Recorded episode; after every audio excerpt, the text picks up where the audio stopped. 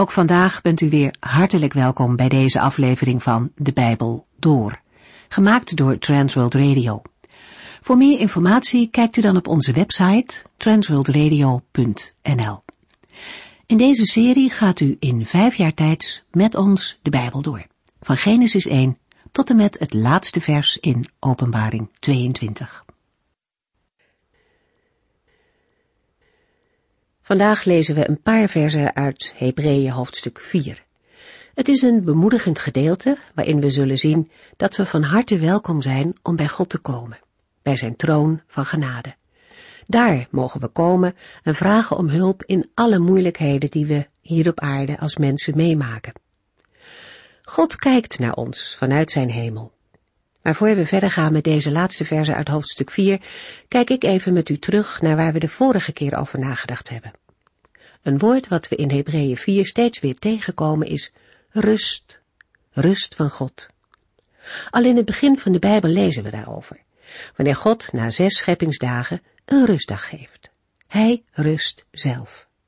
Hier wordt niet bedoeld dat God uitrust omdat hij moe is geworden, maar er is rust omdat het werk af is. En God wil zijn rust ook aan mensen geven. Maar die is alleen te vinden bij de Heere. Wie hem volgt, mag genieten van zijn rust. Het volk Israël kreeg het aanbod van rust in de woestijn, maar verwierp het. Door ongeloof en ongehoorzaamheid kon de eerste generatie Israëlieten die uit Egypte kwam de belofte van rust niet ontvangen. God had het echter beloofd. En in Hebreeën lezen we dan ook dat de rust van God een diepere betekenis heeft. Het is niet de rust van Canaan, maar het is de hemelse rust. Dat wat God klaar heeft liggen voor zijn kinderen. En iedereen die tot geloof komt, mag daar nu al van genieten. Natuurlijk, de uiteindelijke vervulling komt nog. Maar wie weet dat zijn of haar zonden vergeven zijn, vindt rust bij God. De Heer Jezus zei tijdens zijn leven op aarde dat alle mensen die vermoeid en belast zijn, bij hem mogen komen. En hij voegde daaraan toe, ik zal u rust geven. Dus, lieve mensen, wacht niet langer, maar ga, ga naar hem toe. We lezen nu het slot van Hebreeën 4. Nadat de schrijver van Hebreeën in Hebreeën 1 en 2 heeft aangetoond dat Jezus boven de engelen staat, en in Hebreeën 3 boven Mozes, toont hij vanaf Hebreeën 4 vers 14 het groter, belangrijker en betere van Jezus Christus boven het Levitische priesterschap aan.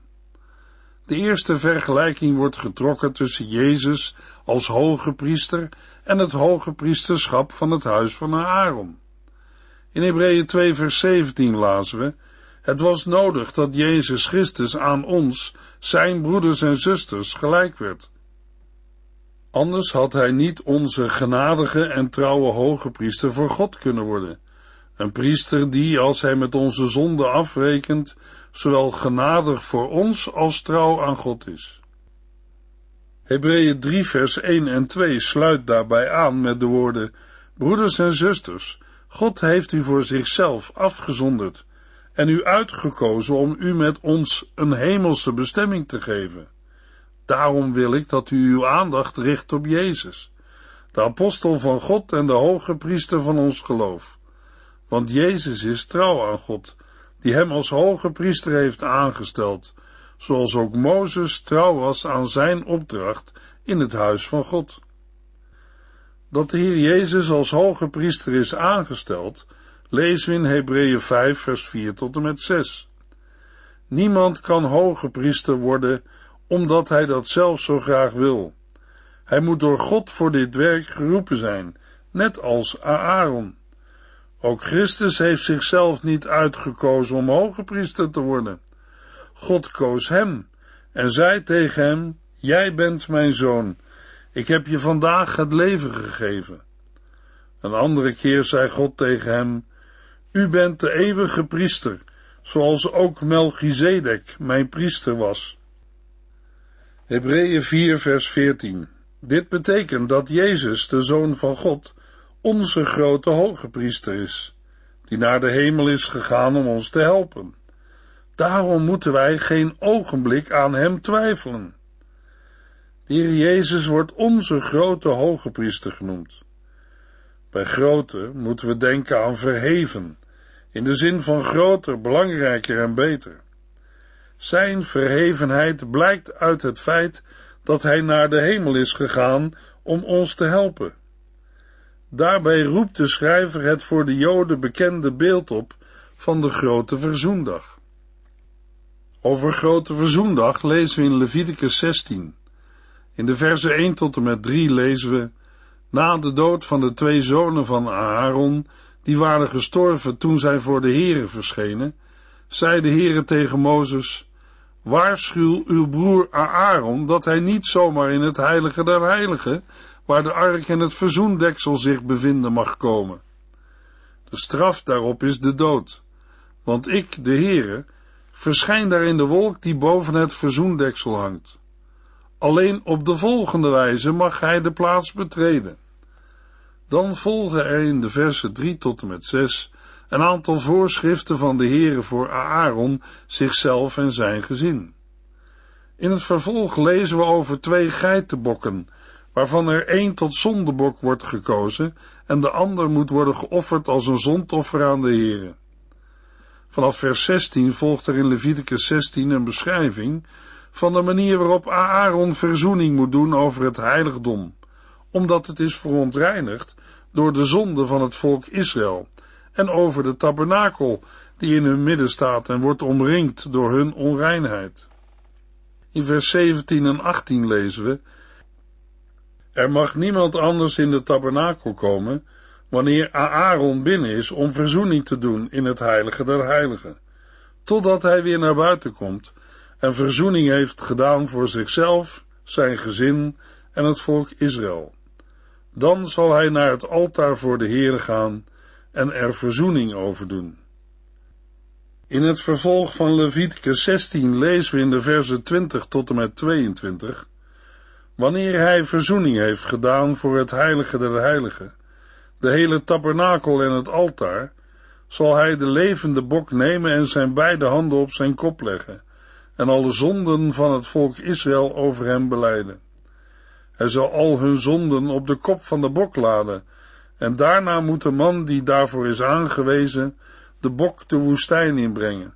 Zo zal de bok alle zonden van het volk naar een onbewoond land meenemen, en de man zal hem in de wildernis loslaten. In de beide bokken zien we een heenwijzing naar het verzoeningswerk van Christus. In het vervolg krijgt Aaron als hoge priester verder instructies over zijn linnen kleding, wassingen en offeren van een brandoffer voor zichzelf en het volk. In Leviticus 16, vers 29 tot en met 35 lezen we: Dit is een wet die altijd van kracht blijft. Op de tiende dag van de zevende maand mag u niet werken. Het moet een dag zijn van zelfonderzoek en vasten voor de Heere. Dit geldt zowel voor de geboren Israëliet als voor de buitenlander die bij u woont. Want op deze dag wordt verzoening gedaan over uw zonden. U wordt voor de Heere van uw zonden gereinigd. Het is een sabbat van volledige rust, die in ingetogenheid moet worden doorgebracht. Dit is een altijd geldende wet. In de volgende generatie zal deze ceremonie worden uitgevoerd door de gezalfde hoge priester, de tot priester gewijde opvolger van Aaron. Hij moet de heilige linnen kleren aantrekken en verzoening doen voor het heilige der heiligen, de tabernakel, het altaar, de priester en het volk. Dit zal een altijd geldende wet voor u zijn. Zo zult u eenmaal per jaar verzoening doen voor de zonde van het volk Israël. Aaron voerde de verordeningen die de Heere hem door Mozes gaf met grote nauwkeurigheid uit. De informatie uit Leviticus 16 is de achtergrond van wat we lezen in Hebreeën 9 vers 7. Maar in het achterste deel mocht alleen de hoge priester komen en dan nog maar één keer per jaar. Hij moest bloed meenemen en dat op het gouden deksel van de ark sprenkelen, om daarmee zijn eigen zonde en die van het hele volk voor God te bedekken. De Heilige Geest wilde daarmee duidelijk maken dat men niet in het Allerheiligste kon komen, zolang de tent van het eerste verbond nog dienst deed. Hieruit kunnen wij een belangrijke les leren. Ook al werden al de gaven en offers gebracht, ze konden het geweten van de mensen toch niet zuiveren. Met de achtergrondinformatie over het ambt van hoge priester wordt in Hebreeën 4 vers 14 gezegd, Jezus, de Zoon van God, is onze grote hoge priester. Maar in twee opzichten overtreft Jezus Christus de hoge priester van het Oude Testament. Jezus Christus ging niet door een aards voorhangsel, een zwaar gordijn, waarachter de ark stond in het Allerheiligste, maar hij is als onze grote hoge priester naar de hemel gegaan, daar waar God zelf troont. Zijn verhevenheid blijkt ook uit Hebreeën 7, vers 26 tot en met 28. Daarom is hij precies de hoge priester die wij nodig hebben. Hij is heilig, onberispelijk en onbesmet. Hij is van de zondaars afgezonderd en heeft de hoogste plaats in de hemelen gekregen. Gewone hoge priesters hebben elke dag het bloed van offerdieren nodig om hun eigen zonden en die van het volk te bedekken. Maar Jezus Christus heeft eens en voorgoed alle zonden uitgewist, toen hij zichzelf offerde aan het kruis. Onder het oude verbond zondigden zelfs de hoge priesters, die ook maar zwakke en zondige mensen waren. Maar later legde God de eed af dat zijn zoon, die voor altijd volmaakt is, voortaan hoge priester zou zijn. Jezus Christus heeft zich gezet aan de rechterhand van God de Vader. Het meervoud hemelen, wat we lezen in de Griekse tekst, is terug te voeren op het Hebreeuwse woord dat een meervoudsvorm is. Ook stelden mensen in die tijd zich de hemel als gelaagd voor, waarbij God troont in de hoogste hemel. De hoogste hemel wordt in 2 Korintiërs 12 vers 2 aangeduid als de derde hemel. Christus is uit de dood teruggekomen en heeft de belangrijkste plaats naast God ingenomen. Voor de woorden, daarom moeten wij geen ogenblik aan hem twijfelen, lezen we in andere vertalingen, laten wij aan die beleidenis vasthouden, of we moeten vasthouden aan het geloof dat we beleiden. De beleidenis waarvan hier sprake is, is waarschijnlijk de gewone geloofsbeleidenis. In deze beleidenis werd Jezus voorgesteld als zoon van God en als hoge priester. Dat die beleidenis moet worden vastgehouden en de gelovigen geen ogenblik aan Jezus Christus moeten twijfelen, wijst erop dat sommigen deze beleidenis dreigden los te laten, of al hadden losgelaten, waarschijnlijk omdat zij de waarde van de tempeldienst en het Levitische priesterschap overschatten. Daarom laat de schrijver van Hebreeën in Hebreeën 4 vers 14 tot en met 7 vers 28 zien dat Jezus Christus groter, belangrijker en beter is dan het Levitische priesterschap. Vanuit hun oude geloof waren de Joodse gelovigen gewoon om tot God te naderen via de Levitische priesters, die eerst in de tabernakel en later in de tempel dienden. Het was door de priesters en de hoge priester dat zij zich aan God konden toewijden en de voorgeschreven offers konden brengen. De schrijver van Hebreeën laat zien dat nu Christus onze grote hoge priester is. Hij is zo enthousiast over het hoge priesterschap van Christus, dat hij in hoofdstuk 3 vers 1 aan de Joodse gelovigen schrijft, Broeders en zusters, God heeft u voor zichzelf afgezonderd en u uitgekozen om u met ons een hemelse bestemming te geven. Daarom wil ik dat u uw aandacht richt op Jezus, de apostel van God en de hoge priester van ons geloof. De schrijver wilde bereiken dat de mensen die zijn verhandeling in Hebreeën lazen, zich onmiddellijk zouden bezighouden met de hoge priester van hun geloof. Want deze grote hoge priester is het hemelse heiligdom binnengegaan om ons te helpen. Daarom moeten wij geen ogenblik aan hem twijfelen. Christus is onze hoge priester en niet te vergelijken met de andere priesters. Voor de Israëlieten onder het oude verbond vormde de hoge priester de hoogste geestelijke autoriteit in het land. Alleen hij mocht één keer per jaar op grote verzoendag het Allerheiligste binnengaan om verzoening te doen voor de zonde van zichzelf en het hele volk. Net als de hoge priester bemiddelt de Heer Jezus tussen God en de mensen. Als vertegenwoordiger van de mensen komt hij voor ons tussen beiden bij God de Vader. Maar als Gods vertegenwoordiger verzekert hij ons ook van Gods vergeving. Hij heeft meer gezag dan de Joodse hoge priester onder het oude verbond. Christus hoefde voor zichzelf geen verzoening te verwerven. Hij was werkelijk mens, maar zondigde niet. En tegelijk was hij ook zelf werkelijk God. Christus is meer dan de hoge priester van het oude verbond, want die mocht maar één keer per jaar tot de Here naderen. Christus is nu altijd aan Gods rechterhand.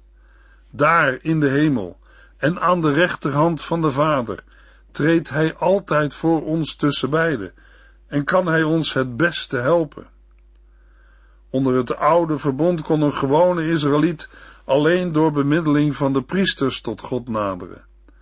In Christus is de bemiddeling en dienst van aardse priesters voorbij, omdat alles in de tabernakel en later in de tempeldienst een heenwijzen was naar zijn unieke en eenmalige offer aan het kruis.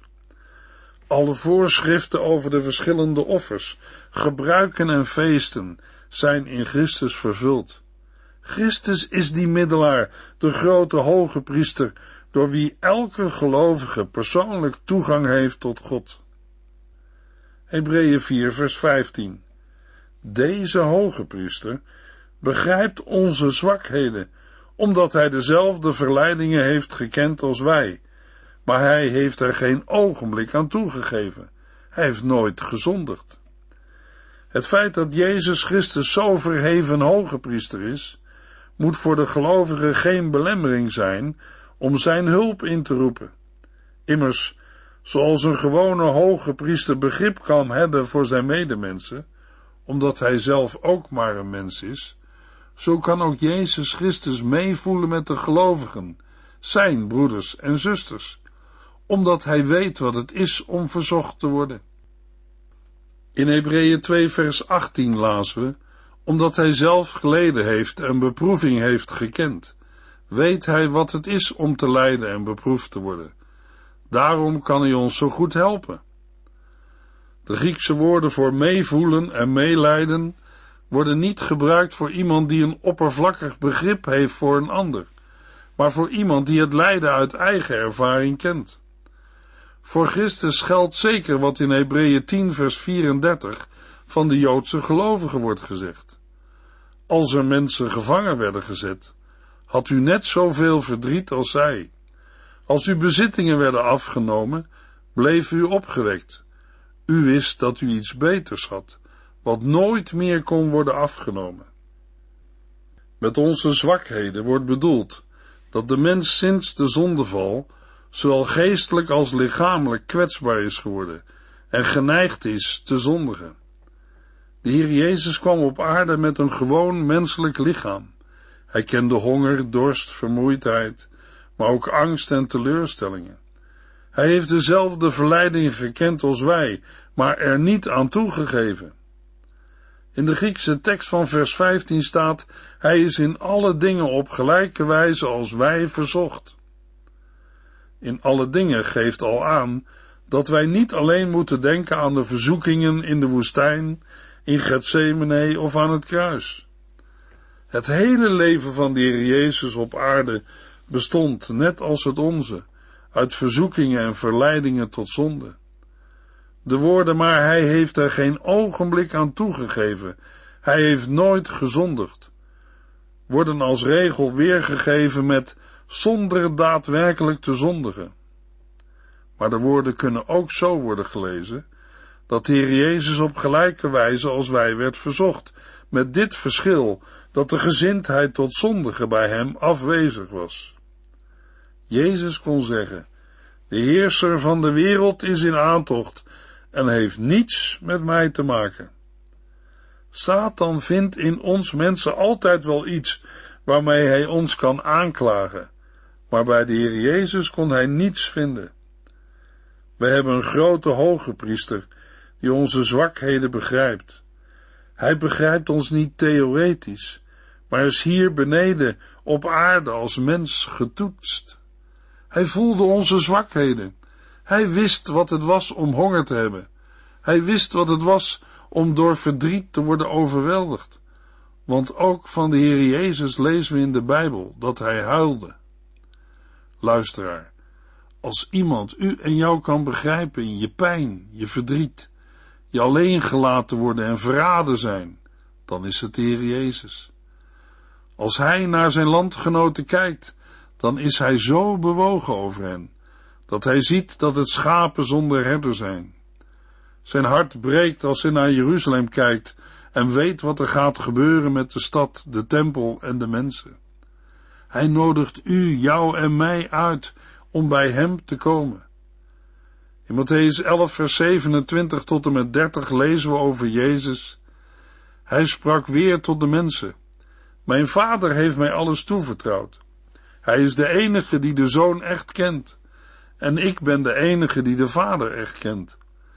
En ook de mensen die ik heb laten zien wie hij is, kennen hem. Als de lasten u drukken en u vermoeid bent, kom dan bij mij. Ik zal u rust geven.